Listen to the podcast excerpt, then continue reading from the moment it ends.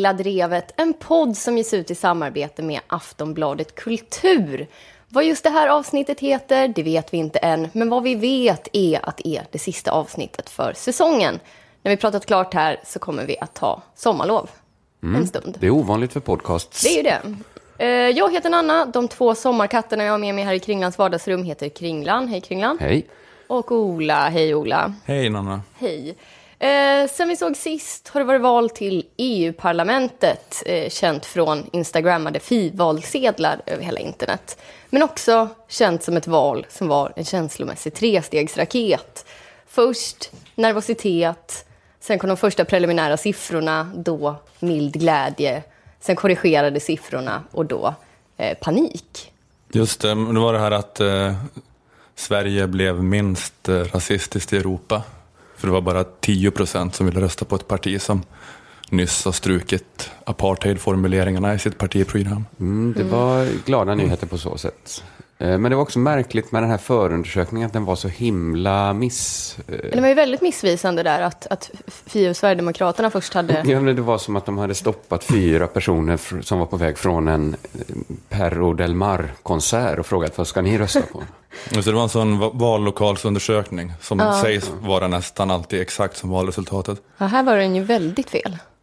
Precis, för det var både SD och Fi hade 7 procent. Sen när det var slut så var det typ nästan 10 för SD och 5, Fem. komma någonting för Fi. Dåligt. Just det. Mm. Eh, jag vet att vi alla i den här podden kommer att prata om valet på något sätt. Eh, men jag tänkte bara säga en ganska självklar grej om eh, valets största deppighet. Alltså då att så många fascister kommer sitta i eh, Europaparlamentet. Eh, det finns en liten trött spaning som väldigt många människor har haft som är så här. Eh, politikerna är så knäppa i sig själva att satirikernas jobb redan är klart. Just det. Eh, den har man hört många gånger. Men det jag tänkte på efter det här valet är att vi nu går in i en fas där det blir svårare att göra satir. Men inte för att politikerna är för knäppa, utan för att de är för otäcka. Det perfekta föremålet för satir är en person som typ Jan Björklund. Han står för en äcklig och människofientlig politik, men man tror ju ändå inte att han går runt och önskar livet ur stora folkgrupper. Eller att hans anhängare kommer gå fram och stabba en meningsmotståndare. Eh, Han är lite lagom farlig. Lagom, ja. Någon slags mellanboss i Super Mario. Eh, och det finns så go-to-sätt att tackla honom satirmässigt. Eh, men det första som kommer till en när man ser en bild från en Gyllene gryning-demo är ju inte mm, det här ska jag göra något kul på. Det var ju bara en stor klump i magen. Och så blir satir på den här förintelsen har visst ägt rum-nivån. Ja. Inte forskning visar att betyg från sexan precis. är inte så bra. Så om ni som lyssnar undrar varför vi idag inte hittar på något att eh, göra oss lustiga över angående eh, fascistvågen så är det i alla fall för mig att jag inte vet hur det skulle gå till. Eh, jag är mest bara rädd på riktigt. Så. Oj. Ja, Ja. det är därför alltså. Du, du är rädd. Ja, men, Ja, ja, det är väl... nej, men jag ser liksom inte ingången till, till något skoj. Nej, det är inte så kul nej. att det sitter fascister Nej. och styr i Europa. Nej. Det är väldigt deppigt allting, eh, så jag tänker att vi kan grotta ner oss i lite mindre deppiga saker Mm. i podden. Eh, lite mer härligt osofta politiker och politiska osoftheter.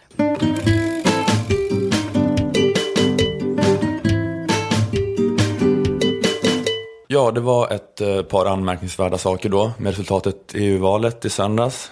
Bland annat det här som du var inne på då att i Sverige så var det 10 procent som röstade på det här partiet som fram till 1999 ville fånga in David Batras pappa och skicka honom till Indien. Eh, nuvarande partiledaren hade varit med i fem år när de fortfarande ville det. Eh, en annan del eh, av valresultatet var ju den här vänstervågen. Eh, och en sak som upprepas ofta är att eh, det blåser vänstervindar men det går ändå trögt för Socialdemokraterna. Det är ju deppigt för dem. Ja, eh, det är det. Eh, I valvakan satt då bland andra förra S-partiledaren Mona Sahlin och pratade om det. Eh, och hon sa det här som många säger att vi måste vara självkritiska. Det finns en stark antirasistisk och feministisk vänstervind som sossarna misslyckas med att fånga upp. Korrekt analys. Trots att de har pratat om överskottsmålet så har de inte lyckats fånga upp den här vinden. Oj, oj, oj vad de har pratat om det finanspolitiska ramverket och den offentliga sektorns sparande, att det måste uppgå till 1% av BNP över en konjunkturcykel. Men av någon anledning har inte det här kittlat nerven hos den unga hipstervänstern. Nej, det har den inte gjort, nej. Nej. Eh, Förutom möjligtvis hos dig. Ja, Ola är lite så här motvallskärring. Nu ska han älska sossarna. ja. Bara för att de är så himla lite Robin-konsert just nu. Måste det. Sossarna gick eh, till val i EU-valet mycket på arbetsrätt. Att eh, alla EU-medborgare som arbetar i Sverige ska omfattas av kollektivavtal. Och sossarna tänker ju säkert att det är något vänster med det. Mm, det är det väl. Att kämpa för att folk inte ska jobba utan skyddskläder på SSAB för fyra kronor i timmen och trilla ner i masugnen. Sossarna tror att det är vänster, men det är för att de inte har hängt med i utvecklingen. Kollektivavtal är inte sinnebilden för vänster längre. Sinnebilden för vänster idag är mer att göra reklam för Volvo. Och att en gubbe som har fått sparken från en Volvo-fabrik eh, och inte har något jobb, plattform, gymnasiekompetens eller en kropp som har förmågan att producera insulin. Han befinner sig ändå i ett så här strukturellt maktöverläge gentemot hon som är med i Volvo-reklamen eftersom han är man och hon är kvinna. Så, så är nya vänsterns maktanalys. Precis, de hängde inte med på den. Nej, jag raljerar här lite över hipstervänstern.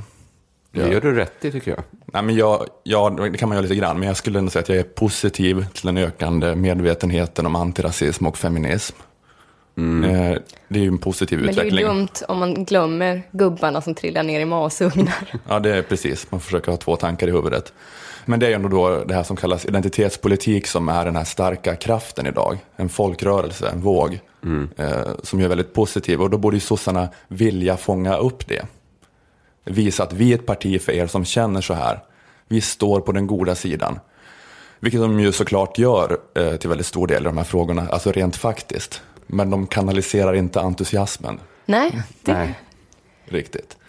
Eh, och jag tänker att ett, ett problem är ju den nuvarande partiledaren. Att Stefan Löfven kanske inte bottnar jättemycket i just de här frågorna. Det är jättelångt ifrån att han får börja blogga för djungeltrumman. ja, det är det. Ja, han, är- han är väldigt mycket så här betong och industrisosse och väldigt lite vara med i Feven-videososse. Just det. Men det har de ju en jättebra.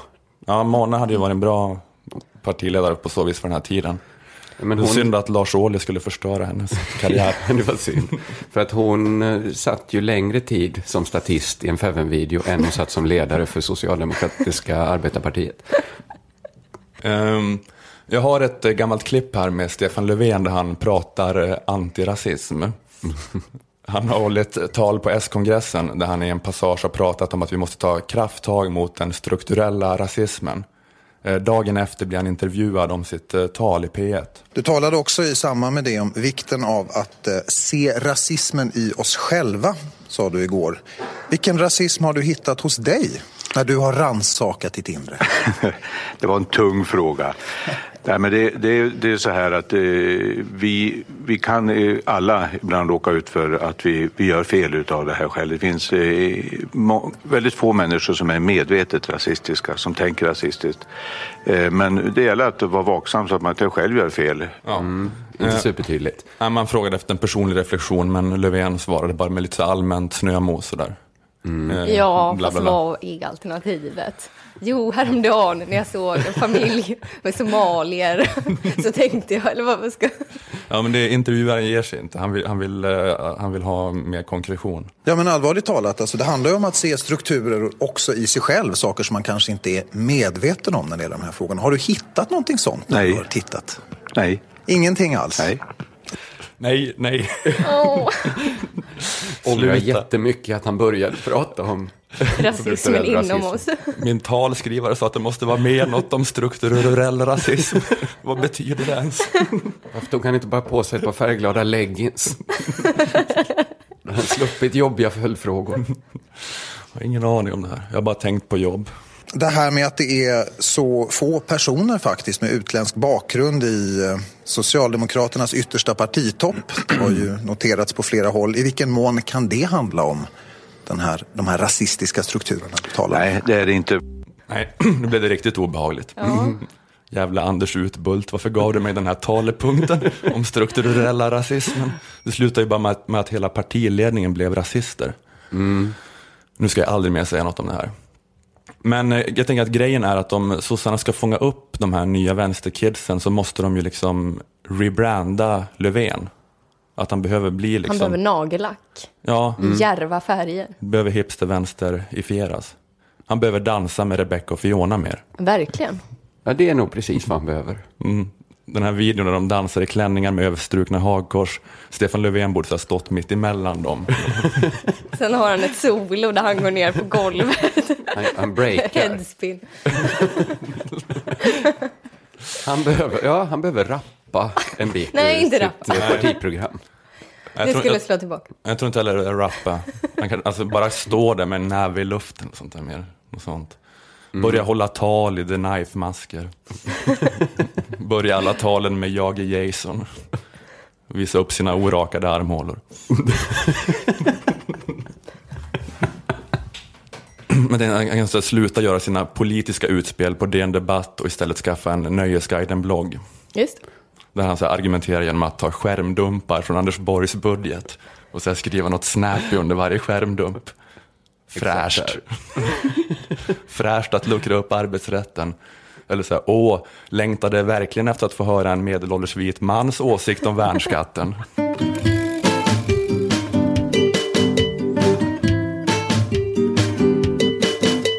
Visste ni, Kringlan och Ola, att vi inte gör den här podden helt på egen hand?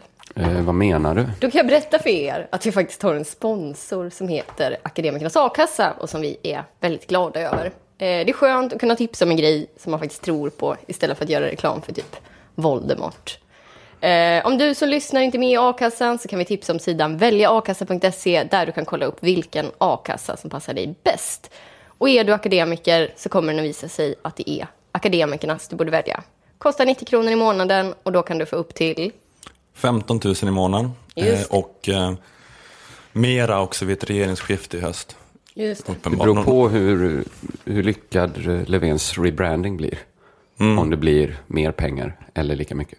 Just det. Men det är väl en bra idé att vara med i en a-kassa Ja, helt enkelt? Jag var något av en höjare på matte i skolan och jag tycker att det låter som en jättebra deal ekonomiskt. Du har räknat ut då att Jag har 90 räknat- kronor är mindre pengar än Än- 15 000? ja, precis. Just det. Mm. Ja, du, Och sen, eh, det är också, akademikerna vill gärna vill hälsa att det är en bra idé nu, till exempel för er studenter, att gå med just nu, ifall ni ska sommarjobba. För nu är det precis innan ni börjar sommarjobba då. Eh, att, smart, så då hinner man jobba ihop till en a-kassa. mm, precis, man eh, måste liksom ha jobbat sex månader totalt medan man har varit med i a-kassan. Så om man till exempel då kanske har två år kvar på sina studier så kanske man kommer sommarjobba två gånger tre månader, extra jobba lite grann. Och då kan man ha kommit upp i en a-kasseersättning tills man börjar söka jobb, ifall det dröjer lite innan man får tag på ett jobb. Det kommer ju också som en chock för en efteråt att oj, nu ska man jobba här. Ska livet vara så här tråkigt? Då kan det vara skönt att ha något att falla tillbaka på. Ja, men vi är väl eh, väldigt glada, kan vi säga, nu när det är säsongsavslutning också, att de har varit med oss och gjort den här podden möjlig. Och att de kommer fortsätta vara med oss sen också. Ja, det I- känns ju betryggande. Helt enkelt. Eh, Så tack så hemskt mycket, Akademikernas a-kassa. Eh, och om ni går med i a-kassan, om ni fått upp ögonen tack vare den här podden, får ni gärna, gärna berätta om det på sociala medier och skriva, använda då hashtaggen lilla drevet som ett ord.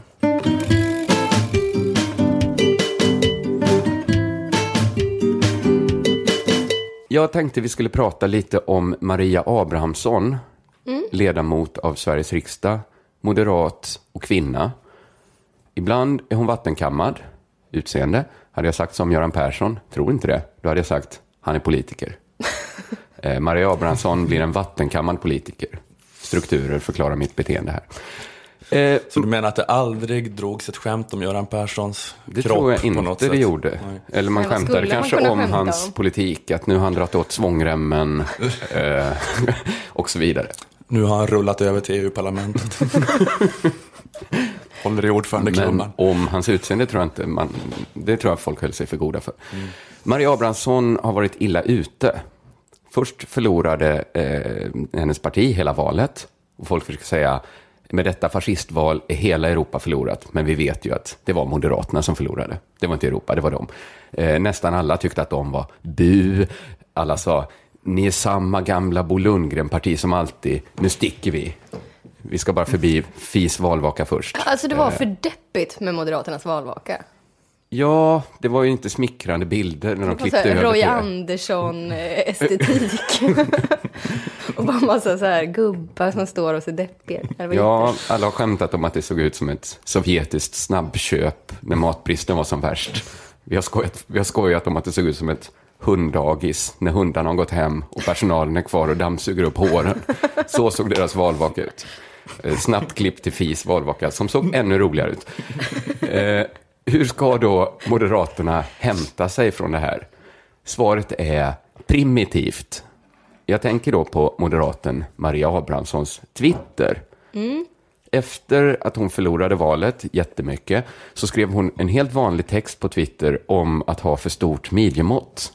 Att man som kvinna inte får ha ett midjemått som är över 82 centimeter för då är man sjukligt fet. Just det, då kan man få diabetes. Då är man så fet så att man kan skada eh, sin hälsa allvarligt. Och så råkar hon då lägga upp en bild på miljöpartisterna Isabel, eh, Isabella Lövin och Åsa Romson. Så det såg ju ut som att Maria, Maria Abrahamsson tyckte att tjejerna i Miljö- Miljöpartiet var lite fläbbiga. Eh, Det var ju också sen de förklarade att det var precis det hon menade. Ja, det såg ut som att hon menade att Miljöpartiets kvinnor är mycket kvinnor att älska. Ja, det var liksom sen, jaha, ursäkten. Alltså, jaha, ni tänkte så. Alltså, jag menar bara att de var tjocka. Det var så hon pulade sen. Det var bara det jag försökte säga. Det var ett uselt, uselt eh, pudlande. När hon bad om ursäkt så skrev hon, är vi inte lite väl överkänsliga för att kommentera offentliga personers utseende? Det var hennes förlåt så himla mycket. Hon avslutade sin ursäkt. Eh, häcklandet av finansminister Anders Borgs fri- frisyr pågick i många år, ackompanjerat av omgivningens förtjusta fnitter. Och var är de upprörda kommentarerna när det påpekas att statsminister Fredrik Reinfeldt har gått ner i vikt? Eh, Men att knysta med en ganska uppenbar rondör är tydligen tabu när det gäller rödgröna politikerkvinnor. Det var hennes ursäkt. Det är svårt liksom att vaska fram själva förlåtet. Alltså en ursäkt brukar ju innehålla ord som förlåt, eh, ursäkta eller jag gjorde fel, nästa gång gör jag rätt. Men om man nu ska gå på att någon är tjock, valde hon inte lite konstiga symboler för det? Alltså, Ja, det här var inte uppenbar rondör, för jag har faktiskt aldrig tänkt jag på har det. aldrig heller tänkt... Jag menar inte... Det är ju inte så att eh, om man får ett associationstest så här, tjock, Åsa Romson, Nej. Flebby, eh, Isabella Lövin, fortsätt mata mig med fler. Det, det funkar ju inte riktigt så. Det är inte det första som kommer till en när man ser verkligen Miljöpartiet. Men, men, men det man reagerade på först var väl själva galenskapen i det. Att det är så ovanligt att göra ett sånt liksom, markant klavertramp. Men hon är ju lite av en, eh, hon är ju inte någon som Per Schlingmann har kommit åt med den här eh, rebrandingen av Moderaterna. Att de ska vara mjuka och ha på sig en mysig tröja och använda fina ord som samhällsbärande istället för Nej, nej. skattesänkande. Hon ser ju Utan hon, hon, hon, är ju så, hon, alltså hon var ju journalist till alldeles nyss. Hon var ju sådär, Svenska Dagbladets bulldog liksom, som alltid så, så här, sa de hårdaste sakerna. Sen så bytte hon till Ja, hon har inte fått samma skolning som de här moder- andra moderaterna har fått i att, lugna ner sig. Nej, precis. Men för, för det var det jag reagerade på först, men sen så insåg jag att det är kanske genialt gjort av Maria Abrahamsson att göra så här. Ja, men för att eh, hon vet ju så här att den där ursäkten var ingen superbra ursäkt och hon vet att det där twittret var fel. Alltså, man kan inte kritisera henne för så här, hallå där, du råkade göra fel. Hon visste ju att det var fel. Eh, Eller, det var ju hela poängen. Hon ville ju hon var inte ute efter att göra rätt. Hon var ute efter att, hon var ute efter att skada, tror jag. Att det är det som är så primitivt. Det var därför hon gick på utseendet och inte på politiken. För hon vet liksom att det skadar väl inte miljöpartister eller sossar att man angriper deras politik. För de har väl inga så här åsikter som de är stolta över riktigt.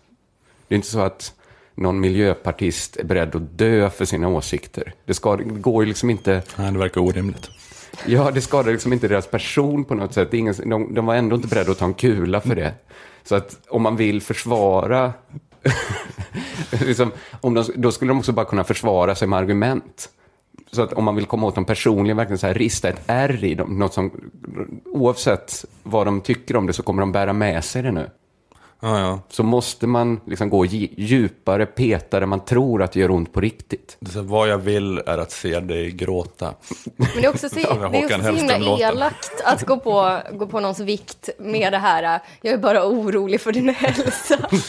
Du är så tjock att det är farligt, så det är bara, det, jag är bara... Så ta inte det här personligt. Nej. Men det verkar ett sinnessjukt att säga så här, eh, hallå där, du gjorde, det där var klumpigt uttryck. Det var hela tanken, Ja. var ju så här, nu vill jag se hur mycket skada.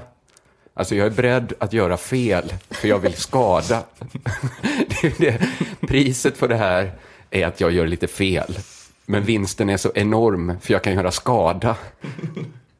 Det är liksom den valutan de handlar med. Jag vill bara att det ska göra ont. Mm. Ont på miljöpartistkvinnorna. Kosta vad det kosta vill. Jag kanske framstår som liksom världens vidrigaste person. Det är ett billigt pris om jag får skada. Det är så man måste förstå det här twittret.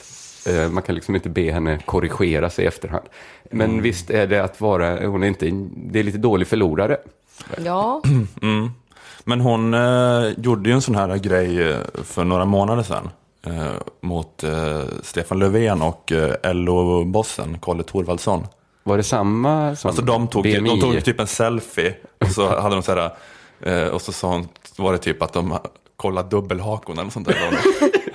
eller ha, hon, hade någon, hon hade någon sån formulering, hakor som är glada eller sånt där. De hade så himla många hakor. Ska man vara liksom, taskig och ge sig in på hennes vatten och så, så är de är ju mycket, mycket tydligare symboler för övervikt. Alltså Löfven och... Och Kolle är Löfven väl... och Kolle är ju lite mer överviktig. Jo, men det är väl ändå inte är inte- så vi gör? Nej, det är Eller inte oavsett. schysst och det är inte okej. Men jag tycker det, det, det är nästan det som har förvirrat mig mest med den här.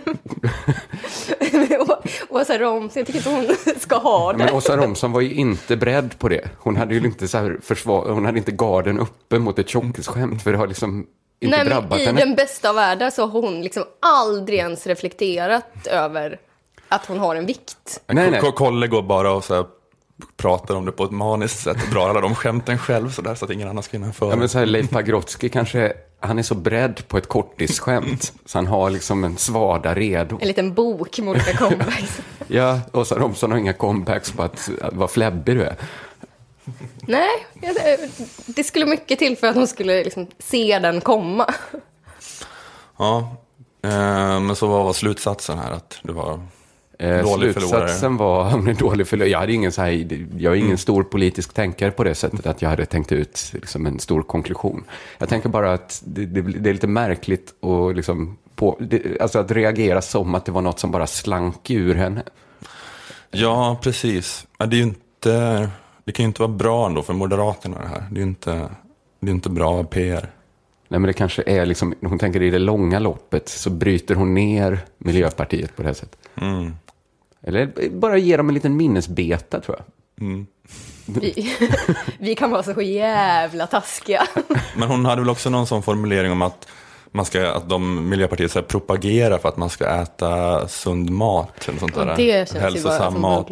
Ja, men hon hade något så här jätteluddigt, så här, miljön i magsäcken på Åsa Romson då. Vem tänker på den? Ja, men för, för det, Alltså, det var verkligen Men det, nej, men det var väl sinnessjukt lite så här, skulle ni leva som ni lär och äta så mycket grönt och så, då skulle ni inte ha den rondören.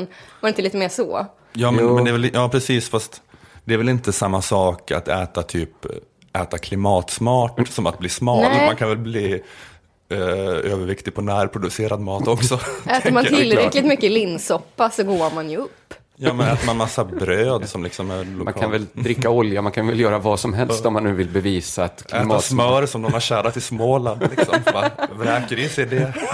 Jätteklimatsmart, tror jättetjock liksom blir man. tanken är så här, Twitterstormen kommer blåsa över, det vet Maria Abrahamsson, men hon vet att de här liksom dolkhuggen kommer sitta.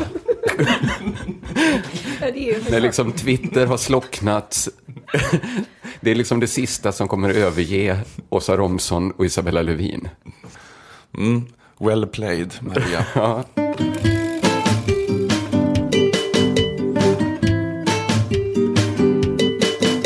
Kommer ni ihåg att jag i förra podden pratade om antibiotikaresistenta bakterier hos Mm. grisar? Föga anade ni då hur otroligt stort mitt ämne var. Ni tänkte, jaha, det sitter Nanna och gapar om något oviktigt som vanligt. Det var ingen som Då tänkte kan man ta paus i lyssnandet, tänkte ni. Men där hade ni fel. Eh, För det visade sig att ämnet jag valt skulle avgöra hela valet. Det- I alla det- fall det för ett parti. Det räddade Centerpartiet, ja. Precis. Eh, det var jättegött för Centerpartiet. Även om de inte var några vinnare i det här valet eller i livets lotteri så var de det parti som drog fram mest i slutspurten. Heter det, slutspurten. Eh, flera experter som jag har hört i P1 säger att det avgörande var just att Centerpartiet gjorde frågan om grisarna till sin. Att det dyker upp en stor nyhet om något så lantligt som grisar strax före valet är julafton för Centerpartiet på samma sätt som det vore julafton för KD om det dagen före valet hade dykt upp en nyhet som sa att Gud faktiskt finns. Gud finns, hatar homoäktenskap och älskar riktigt, riktigt gamla människor med gamla människors värderingar. Ja, det hade varit en toppennyhet för KD. Och KD gav efter till slut för homoäktenskapsivrarna i, i liksom det socialliberala etablissemanget och därför ska alla KD-are dö. Säger Gud. Ja, nej men, så gött var det för Centerpartiet. Eh, De hade väldigt mycket tur där. Om det nu inte var så att Eskil Erlandsson reste ner till Danmark och planterade de här antibiotikaresistenta bakterierna hos slaktgrisar. Så det skulle bli en nyhet alldeles in till valet. Eh, Men jag håller det för osannolikt. Att han skulle ta sin, sina egna KV-peninkartor och åka ner till Danmark och trycka in dem i munnen på en gris. Det Kanske tror jag inte inte att han har gjort. Han har strukit det på könet. Antibiotika.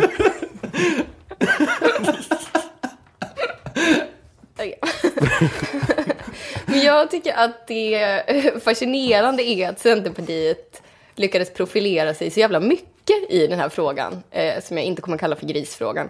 Till exempel så var de väldigt snabba med att göra en liten animerad film. Vi kan lyssna på slutet eh, av den. Danmark och andra EU-länder bryter mot EUs direktiv och använder antibiotika till fullt friska djur. Ändå säljer svenska matbutiker dansk gris till lockpriser. Centerpartiet frågar nu, vad vill ni göra för att öka konsumtionen av schysst griskött i Sverige? Ta ställning för grisen. Lämna ditt grislöfte idag. De har uppfunnit eh, vad de kallar för grislöftet. Eh, där man lovar att inte köpa gris från dumma ställen eh, och avlägger det här löftet genom att klicka på en knapp på Centerpartiets hemsida. Eh, de uppmuntrar också till att man ska använda hashtaggen grislöftet i sociala medier. Och nu vet vi ju med facit i hand att kampanjen blev en succé för Centerpartiet. Men jag kan ändå se två stora problem med den. Eh, det första är själva namnet, grislöftet. Eh, ord som börjar med gris signalerar inte sexiness. Det signalerar inte att de så här ringde upp Thomas Tranströmer och frågade kan du komma på ett ord åt oss? Ta, ta ditt allra vackraste ord. Ja. Det hamnar ju ibland liksom grisfest, grisnäsa. Ja, ja, precis. Att det är en gris som, att det är ett grisigt löfte. Ja, Det blir ofta så om man hänger på ordet gris framför ett annat. Eh, så, så blir det inte så bra. Det, är som, eller, eller, eller det låter som en här äh, översättningstitel på en amerikansk film 1980. Grislöftet med Chevy Chase och Bill Murray. Jag tänker så här, en hashtag ska ju vara något som man vill förknippa sig själv och kanske eh, sitt personliga varumärke med. Men här vet man ju på förhand att det inte kommer vara de allra ballaste kändisarna som kommer stoltsera med att de avlagt grislöftet. Rebecca och Fiona kommer inte använda hashtaggen grislöftet. Vi kommer inte se Robin ha en grislöftet-knapp på sin profilbild på Twitter. Nej, de Nej. har svårt med kändisar, kanske Centerpartiet. De hade ju Linda Bengtzing i någon valrörelse, men sen kom det fram att hon bara var skitmycket betald, så hon jag röstar på Folkpartiet. Ja, det är jättelätt. Det är problemet. Nej, men jag testade på. Anlita en fullständig idiot. Jag testade på att söka på grislöftet och det visade sig att inte ens Centerpartiets versioner av balla kändisar vill ha sitt namn för nära ordet grislöftet.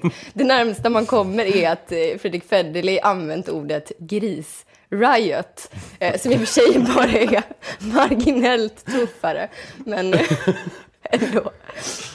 Så här ser jag faktiskt ett lysande tillfälle eh, för dig, Ola, att bli den ballaste personen i ett sammanhang.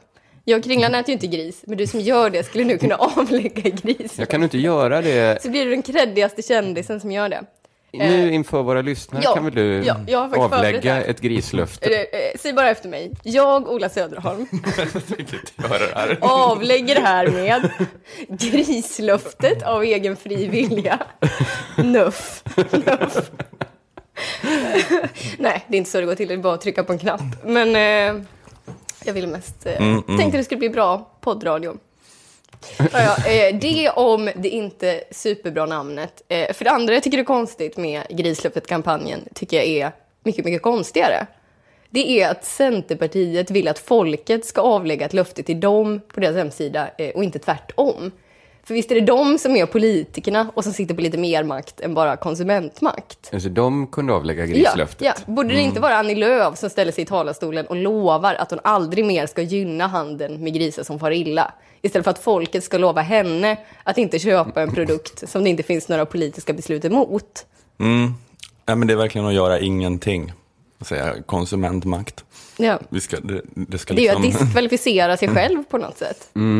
Ja, det är lite backa ut ur rummet. det ska finnas antibiotikagris som är billigare än den andra grisen. Sen ska ni välja rätt ändå. Ja, det är ju lite, lite svagt väl, av politiker. Ja. Jag har inget mer att säga om det här. Jag tyckte bara det var väldigt konstigt.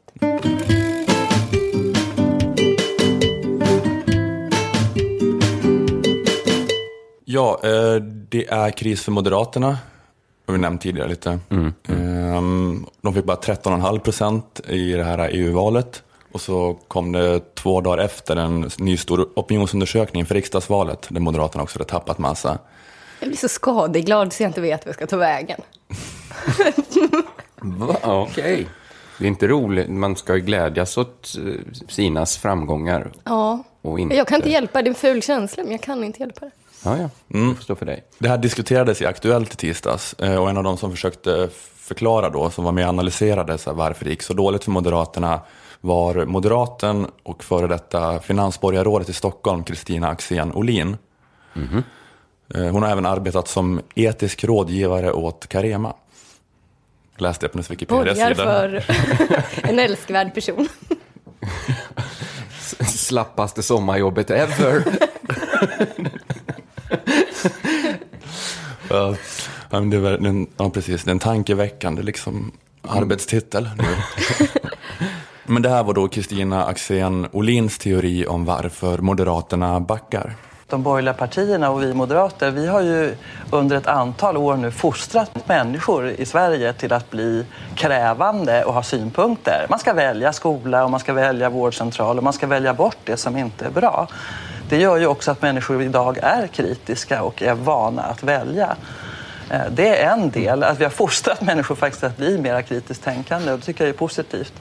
Men gud, vilket konstigt försvar. Ja, Moderaterna har gett oss förmågan att tänka. Och då... Och då in... Det är ju jättekonstigt. Men det var nästan något bibliskt över det, att Moderaterna har gett oss av kunskapens, Kunskapens frukt, frukt, ja. och nu är vi fördrivna ut ur lustgården. Ja, ja, men det är lite så. Vi har så underskattat arvet efter Nya Moderaterna. Att vi trodde kanske att arvet var att villaägare har råd att installera ett snäppet dyrare kök medan barnen går på dagis utan personal. Och att det finns då många fler apotek nu för tiden som har ett mycket större utbud av smink. Eh, Just hon Kristina Axén Olin har ju ett ganska starkt personligt arv också eftersom att hon har varit den här drottningen av avknoppning kan man säga. Så du får förklara avknoppning. Ja, det mest kända avknoppningen, det har vi pratat om förut i Lilla Drevet någon gång, är den här vårdcentralen Serafen. Just det.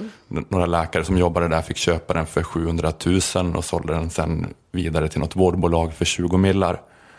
Eh, Det var ju en vårdcentral, så det var landstinget. Axén Olin var ju då högst ansvarig politiker i Stockholms kommun eh, och har avknoppat sådana verksamheter. Eh, DN har gjort en granskning där de har undersökt Stockholms kommuns avknoppningar av hemtjänster och förskolor och det visade sig att de sålt verksamheter för 3,5 miljon som var värda 80 miljoner. Alltså verksamheter uppbyggda med skattebetalarpengar värda 80 miljoner, 80 miljoner såldes till random privatpersoner för 3,5 miljon. Så man kan säga att det Axén Olin gjorde med skattebetalarnas pengar var som att, eh, att om hon skulle ha alla pengarna i hundralappar och sen sälja varje, varje hundralapp för fyra kronor styck. ja, det, ja. Nu har Stockholmsmoderaterna slutat med det för det visade sig inte funka, men det kan man inte veta för man har provat. Det är ju Är det hållbart i längden att sälja hundralappar för fyra kronor styck? Det är bara trial and error som gäller. Men om, om liksom vinsten med det är att människor får förmågan att tänka så kanske det är Ja, ett billigt pris. Faktiskt. Eller, eller ett bra, rätt pris. Det sovande folket som Reinfeldt skrev om har väckts nu. Ja, man kan tänka att det här då är kanske Väckts och dragit vidare.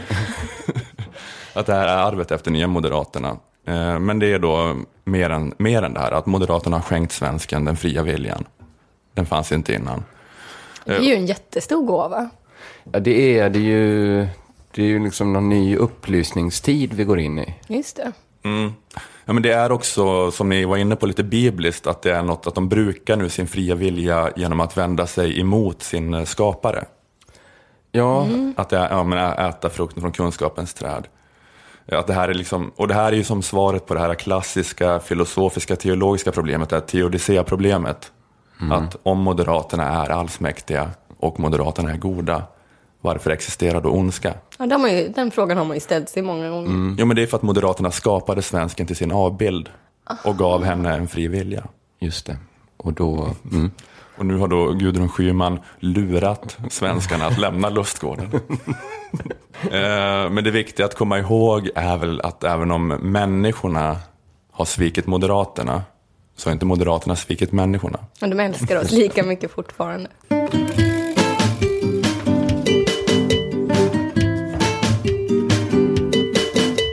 Jag tänkte också prata lite om EU-valet. Det känns som det har varit en, en biggie i veckan som Ja, gått. det har ändå det. Ja, Dominerat nyhetsflödet. Jag tänkte fokusera på fotbollsspelarnas val. De ska ju också rösta. Eh, Så jag tänkte, vi får... Får, men måste inte. Man måste inte rösta. Det måste man verkligen inte. Men vi får väl prata lite om idrott och politik då. Börja med det, tänkte jag. Eh, hör det ihop? Eller ska idrotten vara som konsten och Jehovas vittnen? Hålla sig för god för att blanda sig in i vardagslivets trivialiteter? Det är, liksom en, det är inte första gången man har den här diskussionen. Det diskuteras när sommar-OS var i Kina, när vinter-OS var i Ryssland. Hur gör vi med det här att Putin saknar genusperspektiv? Att hans queer-analys är så himla gammal. grund i alla fall. Ja, den är väldigt grund. Eh, på ena sidan står twittrarna som vet väldigt lite om idrott och på andra sidan står idrottsmännen som vet väldigt lite om politik. Så det finns ett grundläggande problem när man ska diskutera det här. Att den typiska twittraren var dålig på gympa, blev ofta näsblod, var rädd även för mycket små bollar, eh, men jättebra på OÄ och samhällskunskap. Eh, och nu försöker de då ta revansch för att de var så klena som små genom att täppa till truten på folk som inte fattar det här med strukturer. Den typiska idrottsmannen levde för gympa och ett gott parti Uno och gör det fortfarande. Så, så det är lite polariserat på det sättet. Att det finns så få supermänniskor som Ola, som är både fysiskt och intellektuellt överlägsna. Var är Ola? Ja, men, nu ligger han och gör armhävningar på knytnävarna med Knausgård uppslagen på golvet framför sig. Han är så snabb ner, för han vill insupa så mycket litteratur och så mycket muskelstyrka som möjligt. Nu får du hålla käften, ditt jävla glasögon. Miffo. Så här låter det när Lilla Drevet ska diskutera idrott och politik. Alla är inte som Ola. Traditionellt har det varit svårt för de här grupperna att mötas. Eller idrottsmännen har liksom bara struntat i att det finns en politisk dimension, packat sina gympakläder och åkt vart helst det pågår idrott. Om det så här råkar vara en propagandaföreställning för Kinas kommunistparti, ja men då får det väl vara så då. Här ska gympas. Så frågan har liksom aldrig fått några bra svar. Hör idrott och politik ihop eller inte? Allting talar ju för att det hör lite ihop, eftersom man har det på ställen som är politiska. Ja. Eh, Berlin-olympiaden, Davis Cup-tennisen mot Chile och Rhodesia. Mikael Wiehe lyckades ju stoppa matchen mot Rhodesia. Jag måste säga, eh, spelar ni den här tennismatchen så kommer jag att spela nylonsträngad gitarr. Och då ställer de in matchen mot Rhodesia. Det var ingen som ville höra vävare-Lasse. Eh, men nu börjar jag tänka så här att det kanske är en helt meningslös fråga. Eftersom gemene man verkar bry sig så fruktansvärt lite om vad idrottsmän har för åsikter och gör för statements. Det är liksom ingen idé för en idrottsman att göra en markering, eftersom folk ändå inte lyssnar på dem. You say it best when you say nothing at all, eh, säger man ju till idrottsmän som försöker prata. Eh, det enda som intresserar oss med dig är om du kan hoppa riktigt långt eller hänga i knävecken. Vi ser att din mun rör sig, men vi hör inga politiska statements. Jag tänkte på det här när jag läste en artikel om hur svenska eh, fotbollslandslagets ledare har röstat i EU-valet. Att jag såg hur lite något man tog det ganska kraftfulla statements de gjorde på någon vidare allvar. För att, okej, sport är kanske inte världens viktigaste grej. Det, det får man väl acceptera. Men vad ska man säga, liksom, landslagets förbundskaptener är ju ändå någon slags statliga representanter. Landslagsfotboll är ju något slags nationalistiskt projekt. De har kläder gjorda av flagga. Eh, laget heter samma sak som landet. Man viftar med Sverigeflaggor när de spelar och ropar Heja Sverige! Sverige är vårt favoritland när man tittar på dem. Så det har ju någonting ändå. De är någon sorts representanter, även om de inte är politiskt utsedda. Nej men precis, det är klart att eh, det, folk kan på något vis koppla ihop det med nationalstatsprojektet Sverige. När Lite de så. åker runt i världen och spelar i- indraperade i flaggorna. Ja, men så jag tyckte det var liksom lite oväntat att varken Pia Sundhage, som är damlandslagets förbundskapten, eller Erik Hamrén, som är herrlandslagets, röstade i EU-valet. Jaha. Men de kanske känner lite som kung, eller kungen får ju inte rösta, men att de har lite samma funktion. Att de ska vara liksom... Men då tycker jag att det var konstigt att, eller i så fall, för Pia Sundhage gjorde hon ju ett uttryckte ju- aktivt mm. val att inte rösta. Att hon funderade på att rösta på Fi, men så valde hon liksom att aktivt lägga ner sin röst. Alltså det är ju ändå... För att hon hatar EU. Ja, hon hatar EU och den typen av parlamentarism, antar jag. Alltså det är ju svincoolt gjort, men eh, jag hade också kunnat göra något sånt. Men jag är ju liksom ingen, jag är ju mer liksom bara en, en tr- tramsare. Jag Alltså, det är önskar ingen som- att du kunde berätta om i Jag kommer inte podden om berätta. eh, hur din valdag var. Det kan jag inte berätta. Eh, nej, men är det inte liksom en ganska stark markering? Att så här vara emot hela liksom det systemet att vi går och röstar. Ja men Pia Sundhage är ju genomtänkt politiskt. Då, Ja, i alla fall. är Och, och, Erik, liksom- Hamrén, Hamrén är bara en sån förvuxen pojkman som liksom aldrig har tänkt på det. Nej, han kanske bara En sån du beskrev som att spela, har spelat Uno. Ja, men Pia Sundhage, fram till 60-årsåldern. det är ju ändå liksom coolt att göra det. det är ju, men det är liksom råkontroversiellt att aktivt inte rösta. Det är nästan... Ja, men jag Fast vet, halva befolkningen röstade inte i och för sig. nej, men, halva Jag tror befolkningen gjorde inget så här aktivt val men- mot hela... Alltså jag tycker det är coolt gjort, men, men det är liksom att inte det blir en större grej. Ja, men, Ja. Om man liksom jämför, man kanske inte kan jämföra med politiker och sådär. Ja, men det borde väl vara en ganska stor nyhet att båda förbundskaptenerna struntar i EU-valet. Mm. Men jag tror liksom det är så att, Fast Pia struntar ju inte. nej, hon struntar inte. Men, men det blev en nyhet att uh, Zlatan eh, jo, visste ju inte om att det var EU-val ens. Han fick Nej. frågan, röstade du på vad? Mm, det, var ju, det gav ju upphov till eh, världens sötaste skryt, signerat Pia Sundhage.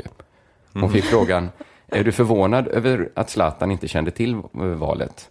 Ja, det förvånar mig. Men sen läser ju en sån som jag mycket mer. det är ganska rart. eh, och det är nog sant också. Ja, Zlatan har väl inte läst en enda bok för att Alltså om inte han, ha- alltså han har ju skrivit den enda boken som, som är den enda boken som sådana som han har läst. Så, att, så då blir det att han inte har läst en enda, för det är bara den boken han hade kunnat läsa. Han har läst absolut minst böcker, för att han gav alla andra ett försprång på en bok nu som blir svårt att ta igen. Så alla andra fotbollskillar leder med 1-0 mot Zlatan, de bara läst Zlatans bok. Nej, det, det var nog, men jag tror bara man får ge upp det projektet att idrott och politik skulle höra ihop. För att om man ändå inte bryr sig om när de gör rätt så, Pia Sundhage i alla fall, superstark markering. Och ändå, det är lite väl så här, även om Erik Hamrén kanske bara sket i valet och att han hade bättre saker för sig, så är det väl ändå ganska kontroversiellt av en så här, Vad sa han för någonting? han sa att han inte tänkte berätta varför han inte hade röstat. Ah, okej. Han kanske också har ett så Han kanske också är så här super- herrare. mm, politisk motivering. Kanske. Han vill att det ska avgöras med fotboll. Men den som är bäst på fotboll får bestämma i EU. Han var rädd att det skulle provocera Zlatan på något sätt. Att han var en, att han var en sån nörd. Just det. det. Det blev så här ocoolt att rösta när Zlatan inte ens visste det. Han ångrade gärna så här, bet sig i tungan, varför sa jag att jag visste ens? jag har redan sagt för mycket. Bäst att säga att jag inte röstar i alla fall. Ja, men det har jag alltid tänkt med Erik Hamrén. Det är kanske är meningslöst att hålla på med spaningar om fotboll nu i det här sällskapet då, men att han är en så bra tränare just nu när det finns en som är så oerhört liksom högst, alltså oerhört tydligt har den högsta statusen och är ledare som Zlatan är nu, att han är på en helt annan planet. För att Erik Hamrén är en sån klassisk sån skolgårdskille som är en så bra nummer två. Den som står bakom tuffa killen och skrattar åt hans skämt. Här, överste lismaren. Han, är liksom, han är den perfekta förbundskaptenen för den här tiden. Eh, men ja, Mm, vi kan hålla där. Ja,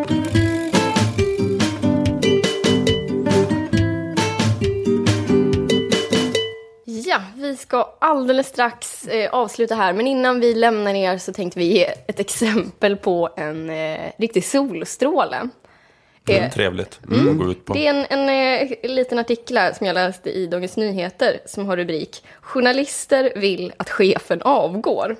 Så står det 94 procent av journalisterna på tidningen Norra Skåne vill att chefredaktör Mimmi Karlsson Bernfalk avgår enligt en sluten omröstning. Ja, de verkar väldigt missnöjda med henne, men det slutar så här. Eh, Det här är den tredje omröstningen där medarbetarna har visat sitt missnöje med Karlsson Bernfalk. Varför har de så mycket sådana omröstningar på jobbet? Själv säger hon till Sydsvenskan att hon tänker sitta kvar. Det är i alla fall 6 procent som vill att jag ska stanna. Det Det är, går väl inte att vara mer optimistisk än så? Men hon tänkte kanske, jag har samma stöd, procentuella stöd som Soraya Post. Och hon verkar ju ha medvind. Ja, fast jag tror inte 94 procent verkligen hatar Soraya Post och vill ha bort henne från politiken på samma sätt som... Nej, men vem är det som 94% här. liksom sjösätter alla de här omröstningarna? För att jag har aldrig varit på ett jobb där man röstar flera gånger om Nej. någon ska få sparken. Nej precis. Det måste väl vara Och det måste ju göra väldigt ont om folk röstar, fast uppenbarligen inte för... eh, Det är ju en här kraftfull peak, så här, vad håller ni på med? Men det, det är något som har hänt på den där tidningen va? Vad är det som har Ja, hänt? Att ja, jag hoppade förbi. Någon, eh, hon har, inte ta, hon har så här svikit någon journalist tycker de, medarbetarna eller något. Eller hon har inte tagit Ja, någon precis. journalist Det står parti. chefredaktören anklagas för att ha gett efter för politiska påtryckningar från ett moderat och ett centerpartistiskt kommunalråd. Hon Mm. har omplacerat en lokal grävande reporter Okej. och nyhetschefen slutade i protest. Det är därför de inte tycker om henne. Alltså. Nej, Men hur, var, var det ett framsteg jämfört med de tidigare två omröstningarna? Att de kom upp i Kanske. 6 procent? Jag tänker det- fortsätta omröstningar. Men de omröstningarna kan inte heller betyda någonting om 94 procent kan ogilla det och det, det räcker med att hon säger nej, jag vill sitta kvar. Men Det är nästan det är så svårt att tänka sig att man skulle vilja vara på ett ställe där, där så många liksom drar ihop omröstningar för att avsätta en. Ja, det är konstigt att det var det tre stycken. Ja, det är konstigt att sjösätta en tredje, när, Mm. när man har haft två som inte bet. Vi tar en tredje då. Jobbig arbetsplats tycker jag det låter som. Ja, Eh, men också man härligt. behöver eh, hård hud. Ja, eh, men det är man också så? härligt med någon som väljer glädje på det sättet. Verkligen. Och det kan vi väl... Det kan vi väl ha som motto nu i sommar. Mm. Eh, Se glaset som 6 procent fullt. Ja. eh, nu är det dags för Lilla Drevet att ta sommarlov. Vi vill än en gång tacka vår sponsor Akademikernas A-kassa eh, och även Aftonbladet Kultur. Men framför allt alla er som lyssnar på Lilla Drevet och gör det möjligt. Vi älskar er. Vi hade ju inte gjort den om ingen lyssnare. Nej, det hade vi inte. det- Tack Nej, också vi älskar till... inte eh, konsten så mycket att vi håller på att spela in poddar som vi bara raderar sen. Eh, vi nej, vill ha publik Vi är också. inte så rena riktigt. Det- Nej, precis. Det är inte bara det här äh, förälskelsen i skapelseprocessen, att det bara är det som är Nej. poängen. Utan vi vill gärna ha lite feedback också. Så. Ett gla, glatt tillrop på sociala medier. Det är det som driver den här podden. Eh, men tack också till vår fellow-drevare Liv Strömqvist som inte var med idag. Hon har gjort ett toppenjobb. Ja, jättebra jobb. Eh, ni hör oss igen när det drar ihop sig mot riksdagsval om vi inte gör ett spontanprogram någon gång i sommar. Ja, men vi kommer väl förmodligen göra ett program äh, i Visby under Almedalsveckan. Jag visste inte att det var klart. Ja, vi får se hur det blir. Men jag Men- tycker ja, att vi- tipset är väl att hålla koll på sociala medier. Man kan vara med i vår Facebookgrupp så får man veta. Ja. Eh, Det kan dyka upp, Lilla Drevet kan vara liksom poppa Man upp kan också man använda hashtaggen Lilla Drevet som ett enda ord. Ja, men vi, ja, vi kommer informera om det blir av det här Almedalen-sändningen. Men jag tror det lutar åt det faktiskt. ändå. Ja, vad roligt. Eh, Och, så då blir det en eh, podd då förhoppningsvis. Annars så tror jag första höstavsnittet kommer komma ut 15 augusti. Gud vad Då du har börjar, koll Ola. börjar säsongen. koll och koll, det är väl jag som bestämmer. Okej. Hörde jag någon säga sluten omröstning? nej, men vi ska, nej, men vi har ju sagt att vi ska börja en månad innan valet igen. Så då eh, räknade jag ut att eh, första fredagen då blir 15 augusti som höstsäsongen av Lilla Drevet börjar. Spännande. Det Det, blir kul. riktiga valet, det som vi bryr oss om, inte det här teståkarvalet bara. Nej, just det. Ha en riktigt härlig sommar. Puss puss. Puss. En, två, tre, fyra. Du har läst det på internet. Du har hört det i radions P1. Vi kommenterar allt som hänt med roliga röster men utan skämt ja. Det mest explosiva vi har Är humorlös humor med allvar. Det kallas satir. Samhällets livselixir. Fallfärdig villa får symbolisera ett folkhem från en svunnen era. Frihetsgudinnan har blod på kjolen. Frihetsduvan laddar om pistolen. Och judenäsan ni satte på Palme, den fick måna i arv.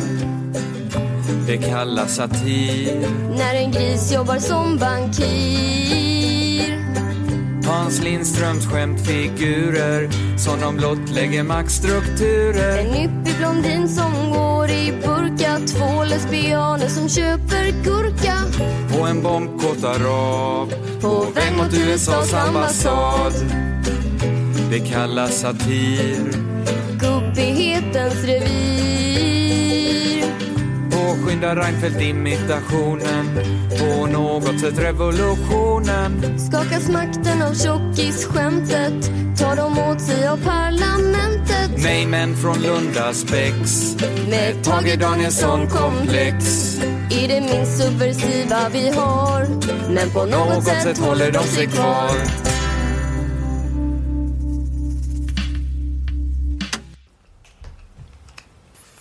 Vi kanske skulle kunna göra en shout-out också till Kristoffer Triumf som hjälpte oss mycket och, Ja, och eh, komma igång med den här podcasten. Eh, hjälpte oss komma i kontakt med Akademikernas a-kassa också. Eh, han har ju också då sin podcast Värvet, som om ni mot förmodan inte hört talas om den, så är det värt att kolla upp. Där finns det intervjuer med alla Lilla Drevet-medlemmar, förutom med mig. Just det. Nej, men det är rimligt tycker jag. Jag tycker också att jag är, är minst Det kanske... karismatisk. Lilla Drevet. Vem vill intervjua tråkiga, dumma mig? Nej, Eh, inte Kristoffer? Triumf i alla fall. Eh, Men kanske så här Norrbottenposten brukar väl göra lite knäck på dig? Vad heter de tidningarna? Ja, jag får vara med på nöjessidan kanske. Våran Så två, pojk tre, har fyra blivit så stor. En kille som eh, tog en taxi fem minuter efter studenten till flygplatsen och aldrig satt sin fot här igen. Bor nu i Stockholm och har ett jobb. det gör vi en grej på. Det är Eh, härligt med lokalposten. Mm. Eh, ja, Ja, eh, så tack alla. Hej då, ha en fin sommar.